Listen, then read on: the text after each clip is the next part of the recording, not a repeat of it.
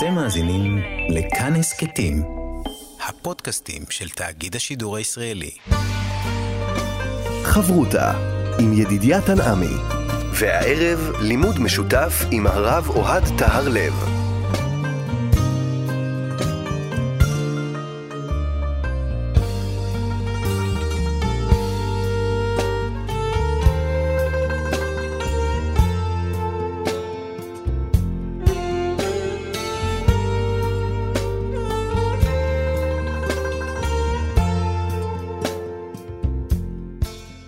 שלום, כאן מורשת חברותא לימוד משותף עם רבנים ואנשי חינוך בנושא תנ"ך, הלכה ואמונה. היום אנחנו לומדים אגדה יחד עם הרב אוהד תיארלב, ראש מדרשת אות לידנבאום ורבני בית הלל, וכאן ליד המיקרופון, ידידיה תנעמי, שלום לך כבוד הרב. שלום לך ידידיה, לך ולמאזינים.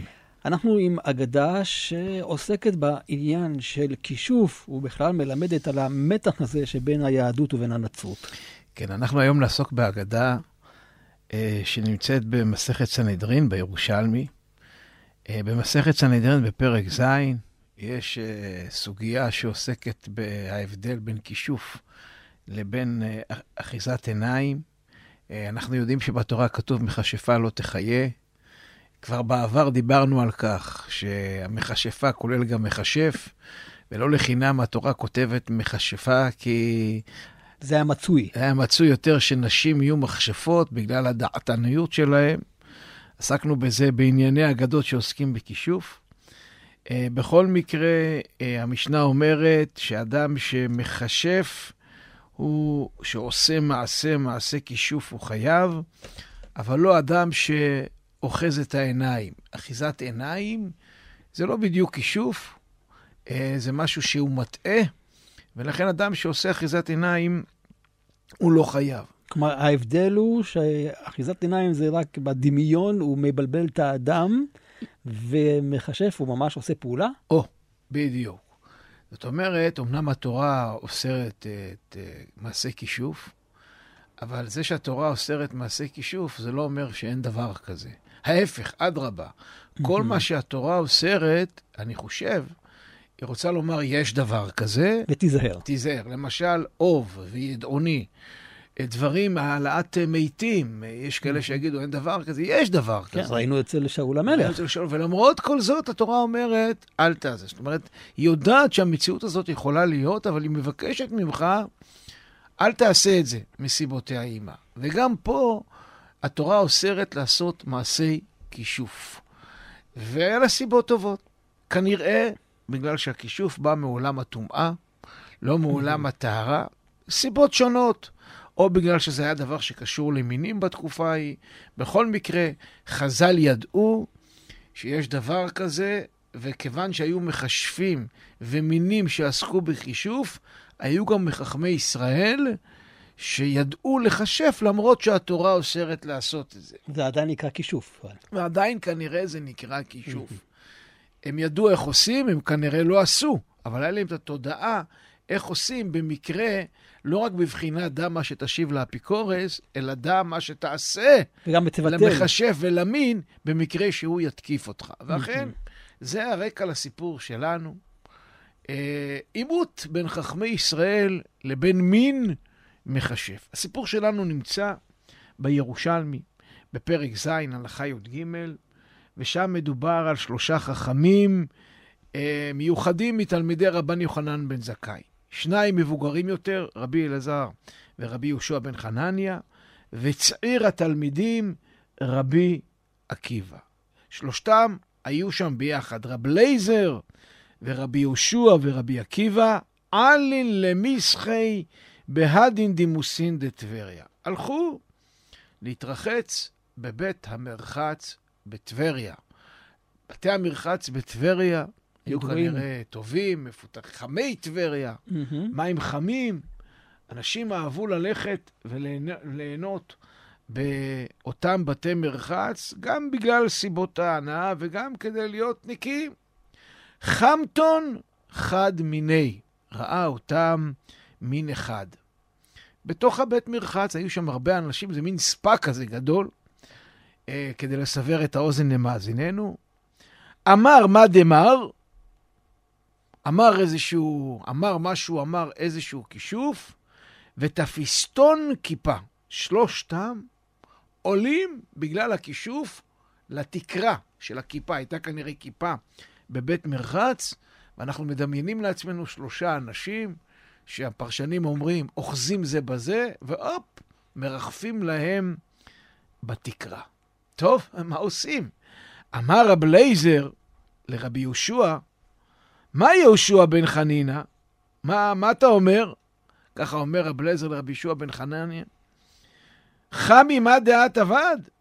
מנפי כהן מיני. אתה רואה מה, מה הוא עשה לנו? אתה מוציא אותנו מזה? בואו, אתה יודע בכישופים. תוציא אותנו כן. מה, מהסיטואציה הזאת, שאותו מין הכניס אותנו פנימה. כן, הם חסרי אונים. אוקיי. אמר רבי יהושע מה דמר, אמר מה שאמר, זאת אומרת, אמר איזשהו כנראה גם כישוף, איזשהו אופוס קופוס כזה, ותפס יתי טרה. אותו המין העלה אותו ותפס אותו במשקוף בשער של הבית מרחץ למעלה, איפה שהדלת. מה קרה?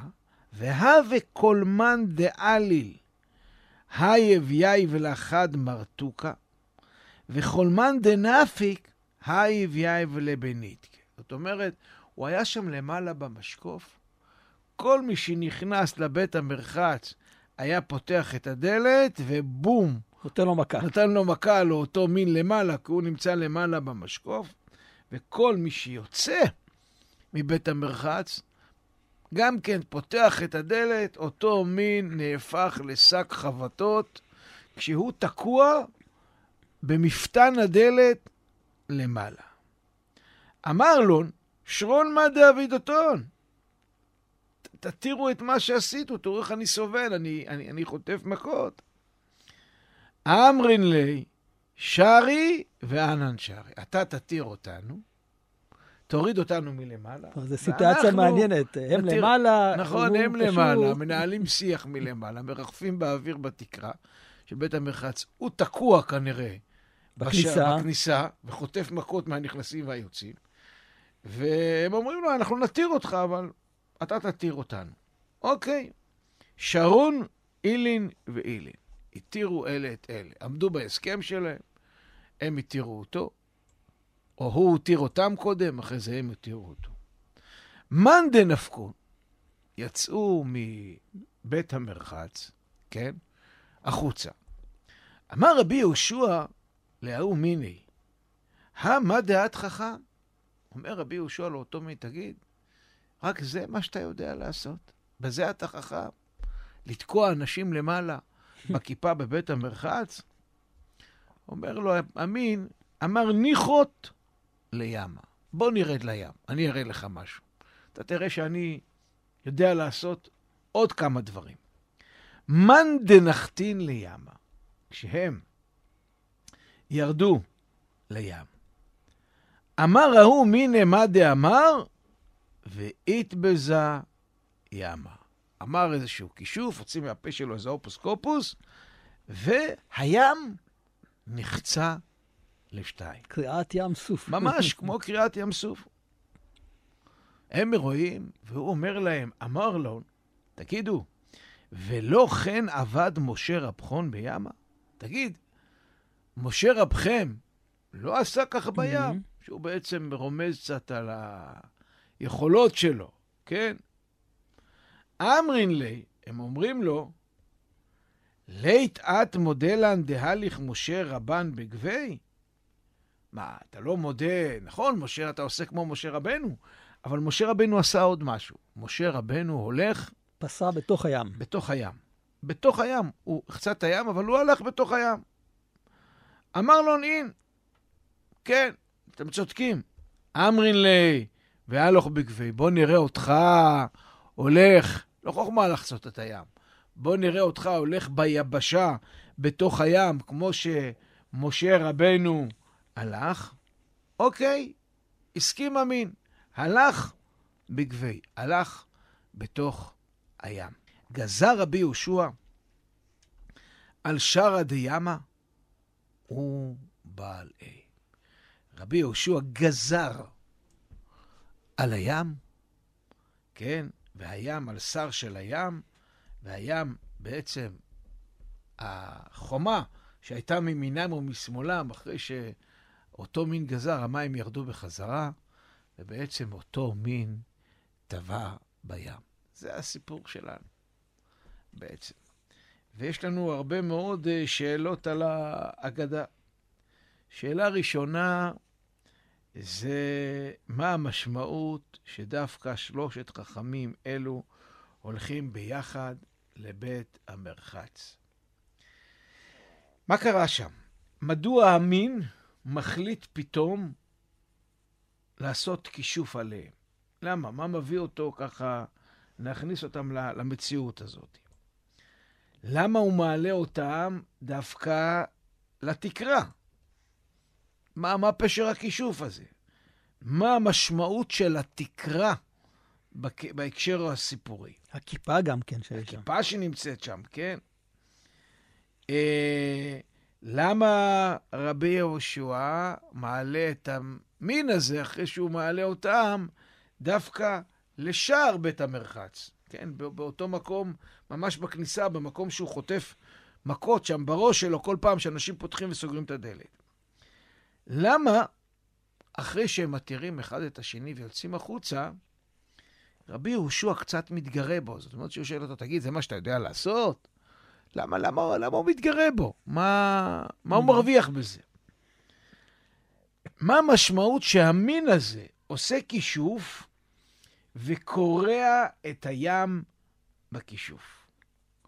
למה הוא מזכיר את משה בדווקא? עכשיו, הוא לא רק מזכיר את משה בדווקא, הוא אומר, נשים לב, משה רבכם. Mm, מדגיש את זה, כן. מדגיש את זה, כן. רבכם ולא... ולא, ולא רבי, הוא היה אולי מין, היה יהודי שיצא לתרבות רעה.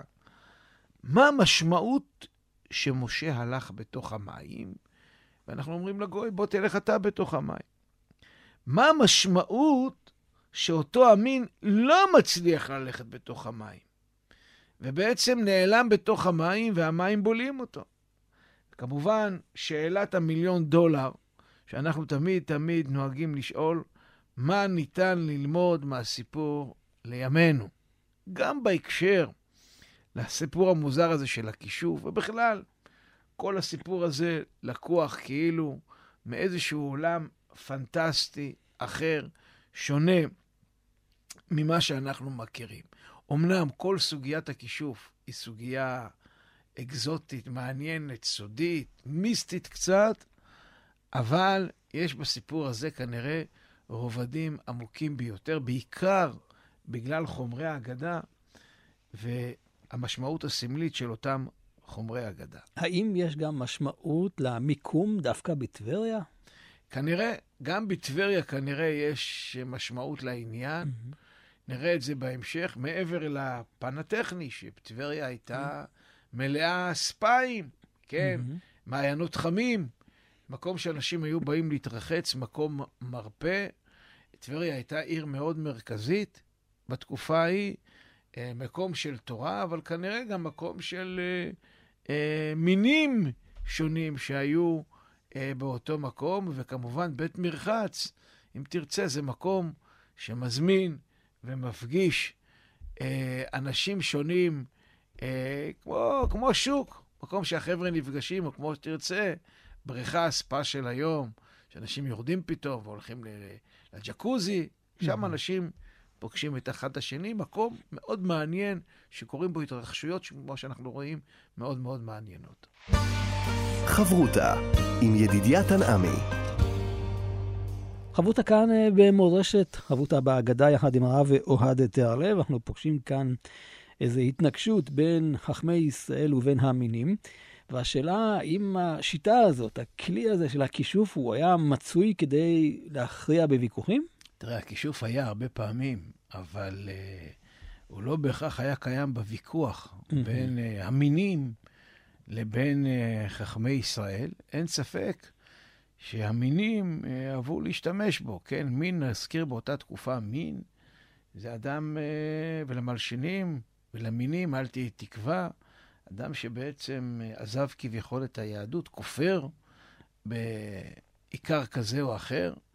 אה, היו כאלה שטענו שזה אה, נוצרי, אבל זה לא היה מצוי בהכרח שהוויכוחים היו סביב כישוף.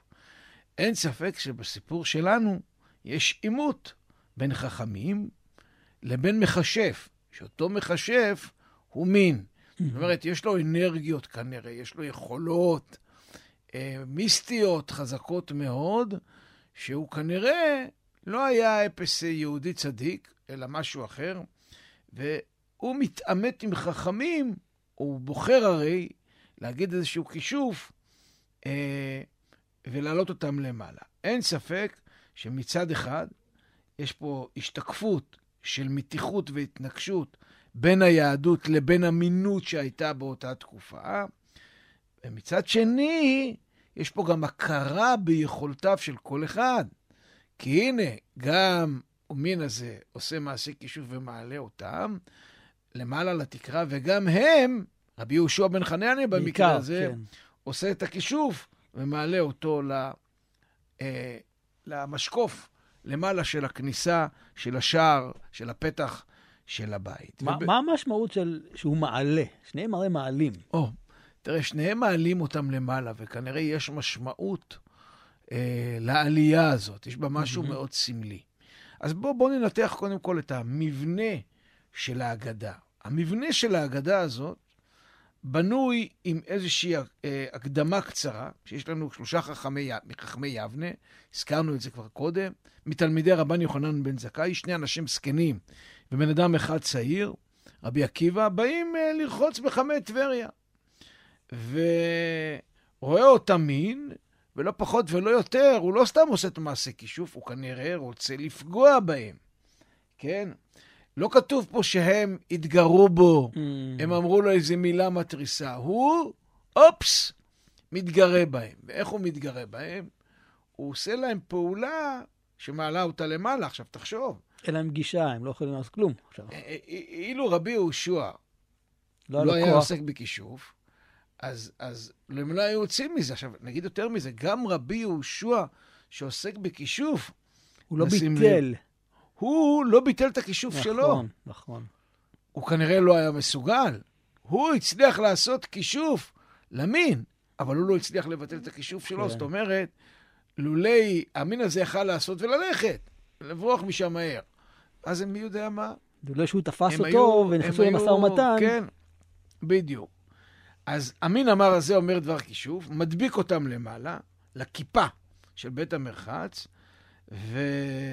יש פה איזשהו מתח דרמטי. רבי אליעזר אומר לבשו, תעשה משהו, תוציא אותנו מהברוך הזה, כן?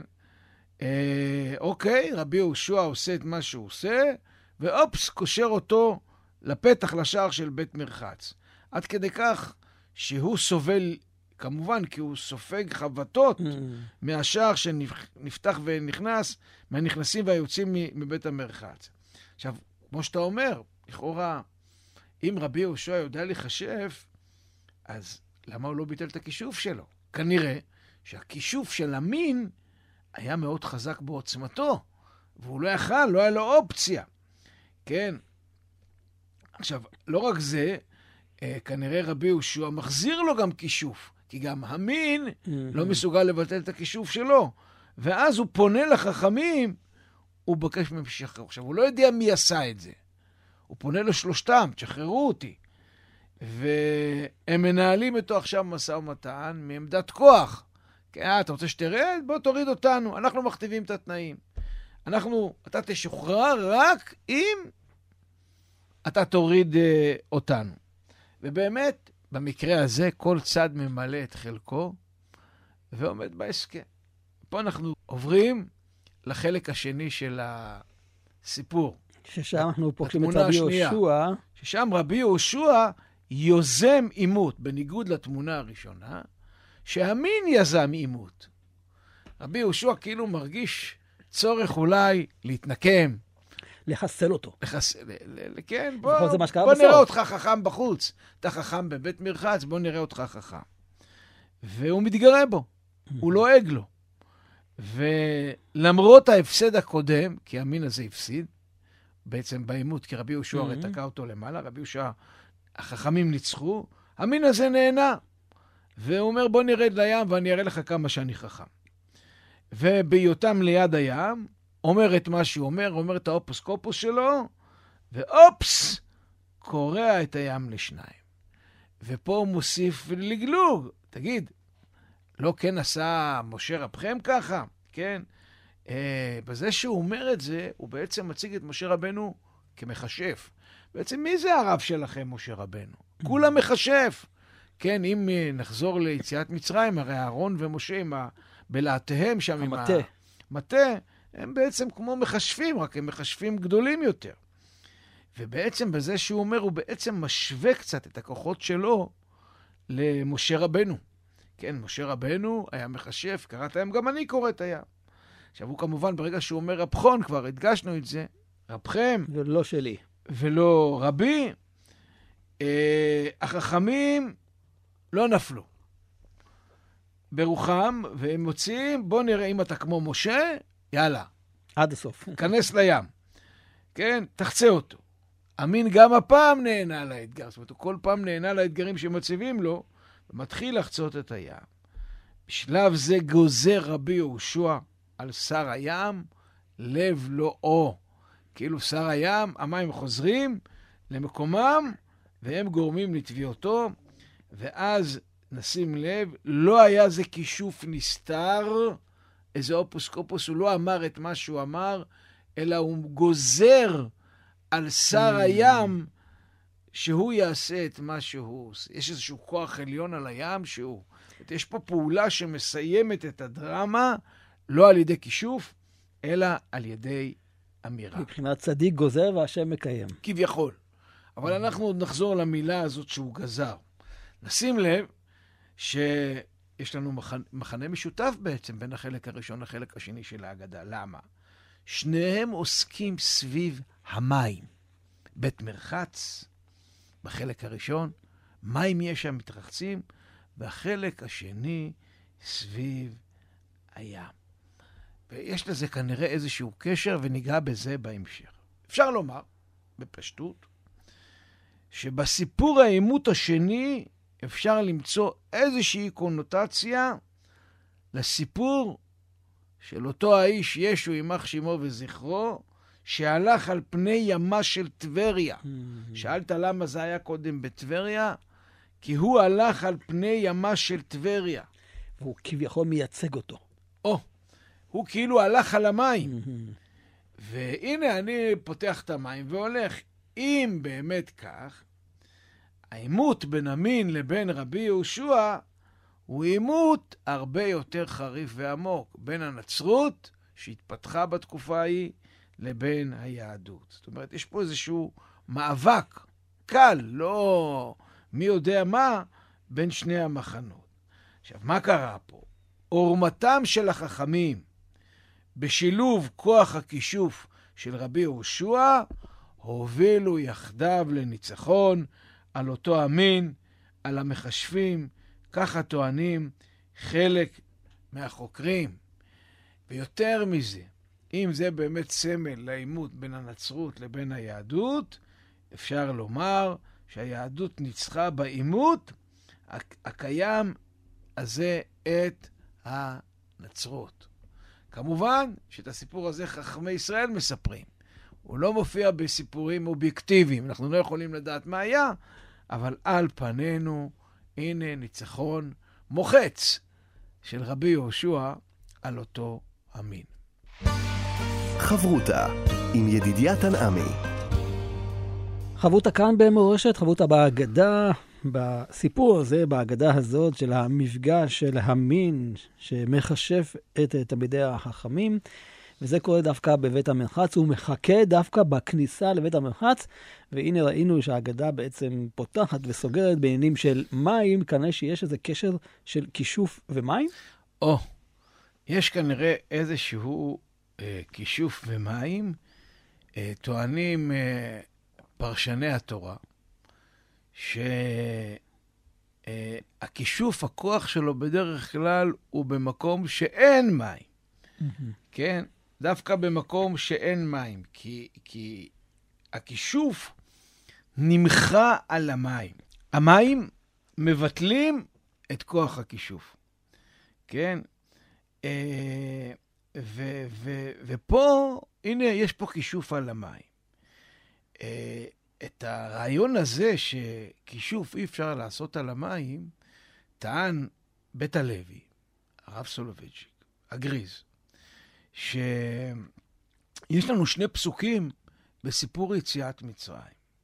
יש פסוק אחד בשמות ז', ויעשו החרטומים כן בלהטיהם, ב' ל' ה' ט', ובמכת אדם כתוב, ויעשו החרטומים בלטיהם, בלט, בלי ה' לפני הט'. כן, והגמרא אומרת במסכת סנהדרין, בלטיהם זה מעשה שדים, בלהטיהם זה מעשה כשפים. וגם כתוב, להט בלהטיהם, להט החרב המתהפכת. כן, מה זה להט החרב המתהפכת? שבעצם יש פה משהו שהכישוף הופך. זאת אומרת, אומר הבית הלוי, מה ההבדל בין מעשי שדים לכישוף? אנחנו עוסקים היום קצת במיסטיקה. כן. יש אחיזת עיניים, אחיזת, או. יש כישוף ויש שדים. מעשה שדים זה לא דמיון, להפך. זה איזשהו דבר שיהיה נראה לעין, רק כדבר אחר, והוא כאילו השד מביא את הדבר... למקום. למקום. אבל מעשה כשפים זה עניין של דמיון, כי אני הופך את הדבר הזה לדבר אחר. אנחנו ראינו פתאום בעבר אנשים שנהפכים, המחשבים בגמרא או סיפורים נוספים, פתאום הוא הפך את אותה אישה לחמור, mm-hmm. כן? אה, הוא הופך אותו. ו, והנה, זה הביט, הביטוי להט החרב המתהפכת. להפוך. היא בדיוק, היא הפכה אה, אה, את הכל אחד אל השני. אבל מעשה שדים זה לא ההפיכה, אלא אני מביא מאיזשהו מקום משהו מאוד מאוד מאוד מאוד דומה. ולכן מעשה שדים לא יתבטל על המים. אבל, כי זה לא דבר שהוא mm-hmm. מהופך. אבל כשבא על המים, תמיד המים מחזירים את זה למה שהיה. לכן במטה שלא היה על המים, כתוב בלהטיהם, שהספיק להם מעשה כשפים. אבל שהמכת דם שהייתה על המים, היה צריך כאילו לעשות מעשה שדים. למה מעשה כישוף בטל במים? אומר המאור ושמש בשמות ח' פסוק ה', כי הכישוף הוא בא מצד הטומאה, כבר הזכרנו את זה בהקדמה, ומים, טהרה, טהרה, הם מתרים כמו מי מקווה. כן? ולכן משה רבנו היה רוצה להראות בחוש מופתי כי יד השם הייתה בם, ולא על ידי מעשה כשפים, כמו שחשבו פרעה, היה שם מלחמה, מי עושה יותר uh, כשפים כן. או אותות. לכן הוא אמר, תדע כל הפ... למען תדע כן כי השם אלוקינו, כל הפעולות האלה הקדוש ברוך הוא עשה, והם לא יתבטלו על ידי טהרת המים, כמו שאתה חושב. אתה חושב שהמים יבטלו את הכישופים? אין סיכוי, הם בעצם לא אה, יבטלו את העניין.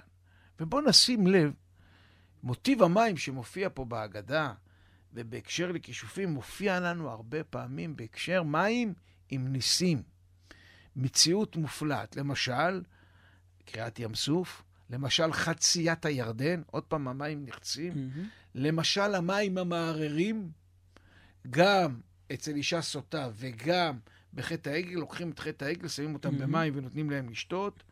כאילו המים הם מוטיב מאוד מאוד מרכזי, שתמיד עם ישראל עובר, והמים הם תמיד דבר שהוא מטהר. אז כמובן זה דבר חי, דבר... המקווה. המקווה, בדיוק. למה? מה הסיבה? מה הסיבה שהסיפור של הכישוף פה עם המים הולכים ביחד? אז אומרת לנו התורה, ורוח אלוהים מרחפת על המים. למה מזכירים את זה? או שהתורה אומרת לנו, למשל, ביום החמישי, ויברא השם את התנינים הגדולים. לא הזכירו שום משפחה של mm-hmm. חיות, רק את התנינים הגדולים. החיה היחידה שמוזכרת בבריאת העולם. התפיסה האלילית באותה תקופה ראתה את המים ככוח הטבע החזק ביותר, ככוח אלוקי. לי יאורי ואני עשיתיני. בדיוק, לי. יאורי ואני עשיתי. ולכן הקדוש ברוך הוא אומר, או דוד המלך כותב, כל השם על המים. וואו, איזה יופי. זאת אומרת, אתם חושבים שכוח הטבע המים הוא יותר חזק מהכל, ואנחנו יודעים מה מים מסוגלים לעשות, אז כל השם הוא מעליו. והקדוש ברוך הוא ברא את התנינים הגדולים. כן, אני מזכיר לך שהתנינים היו סמל של מצרים. והמים הם כל כך חזקים שהם מבטלים כל כישוף. הכישוף בא מכוחות הטומאה, המכשפים ניסו את כוחם תמיד בהקשר למים, כמו שכותב בית הלוי, המכשף יוצר איזשהו דימוי, והמלחמה הייתה נגד כוחות האופל האלה תמיד תמיד סביב המים. לכן תמיד עם ישראל חוצה את הים סוף, חוצה את הירדן. זה כן. כאילו המעבר מטומאת מצרים ליהדות. ממש ככה. ותראה, הסיפור שלנו לוקח אותנו, כמובן, ליציאת מצרים. אנחנו תמיד אומרים שבכל סיפור של חז"ל יש איזו לחלוכית של מהמם. סיפור מהתורה ליציאת מצרים. חוץ מקריעת ים סוף שיש לנו פה, כן?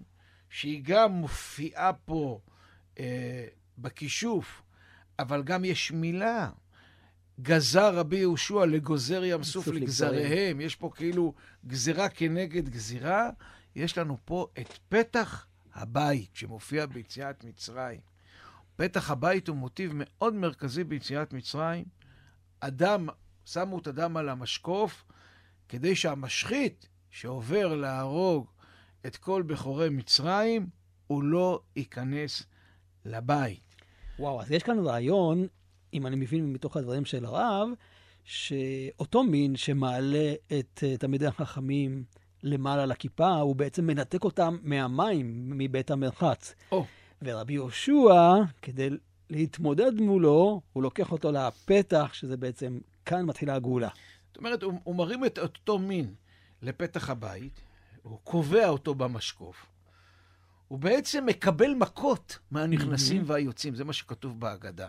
זאת אומרת, זה המכות כן. ש, ש, שבכורות מצרים וואו, מקבלים. איזה יופי. המכות שנמצאות פה, הוא מקבל. כן, המשחית מדלג על הפתח כדי לא מהמם. להיכנס פנימה, אבל אתה בפתח, אתה לא בפנים. יש בזה גם אמירה, אתה לא בפנים ואתה לא בחוץ. וואו. אתה תקוע באמצע ואתה חוטף את כל המכות כולם. אתה בעצם אותה, אותו משחית שנמצא פה. ו, ובעצם הסיפור שלנו עוסק בשתי תמונות של מים, גם בית המרחץ וגם קריעת ים סוף. עכשיו תראה, בית המרחץ תמיד היה מקום של תענוגות וקידוש הגוף.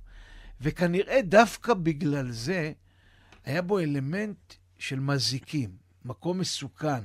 המזיקים חגגו בו. אנשים היו משתדלים לא להישאר עד למחרת בבוקר. אבל יש בו גם ממד של אה, ניקיון אה, ורחצה. וכשרבי יהושע עוד לא סיים את המלאכה והוריד אותם, הוא מתגרה.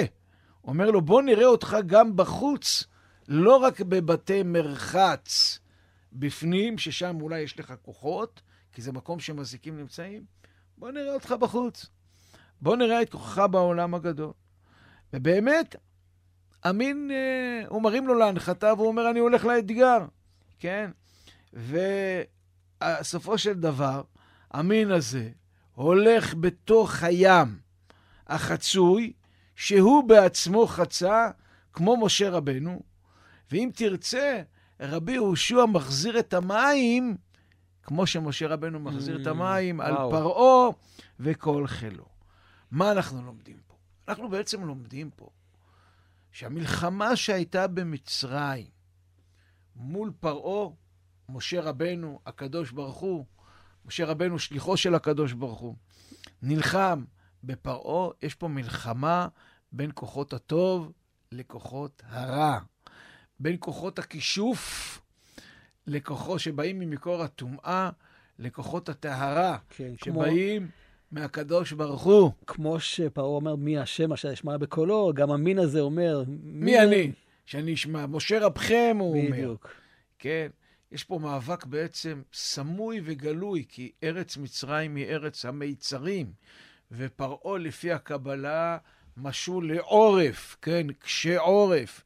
הוא מיצר, הוא חונק, הוא לא נותן מרחב, הוא סמל אה, לכל אה, כוחות הטומאה. ובעצם חז"ל באים ואומרים, תשמע, בכל דור יש את הסיפור mm-hmm. שלנו. גם עכשיו המאבק שלנו עם המינים, הם מצירים אותנו, הם מקשים עלינו, וייתכן, כמו שאמרנו בהתחלה, שהם רומזים כנראה לישו שניסה ללכת על המים. ככה סיפרו עליו כל מיני uh, אגדות. מעשי נפלאות. אז הנה, uh, פה מופיע uh, אותו מין, ואם נרצה, המקבילה של רבי יהושע זה משה רבנו. כי רבי יהושע באמת גוזר על הים, על שרו של הים, הוא לא עושה מעשה כישוף, ובזה שהוא גוזר על שרו של הים, הוא מראה שבעצם צדיק גוזר, והנה הקדוש ברוך הוא מקיים לא מכוח הכישוף, אלא מכוח זה, והנה יש לנו פה עוד פעם ניצחון מאוד מאוד חזק. אז החיבור הזה בין המים, בין הכישוף, הוא בעצם עימות אה, אה, מאוד פנימי שקיים היום. אני רוצה לקחת את זה גם למישור האישי. אה, כל אדם ואדם, יש לנו תמיד מלחמה בין אה, כוחות הטוב לכוחות הרע. כן, אה, מלחמה נצחית, כוחות האופל.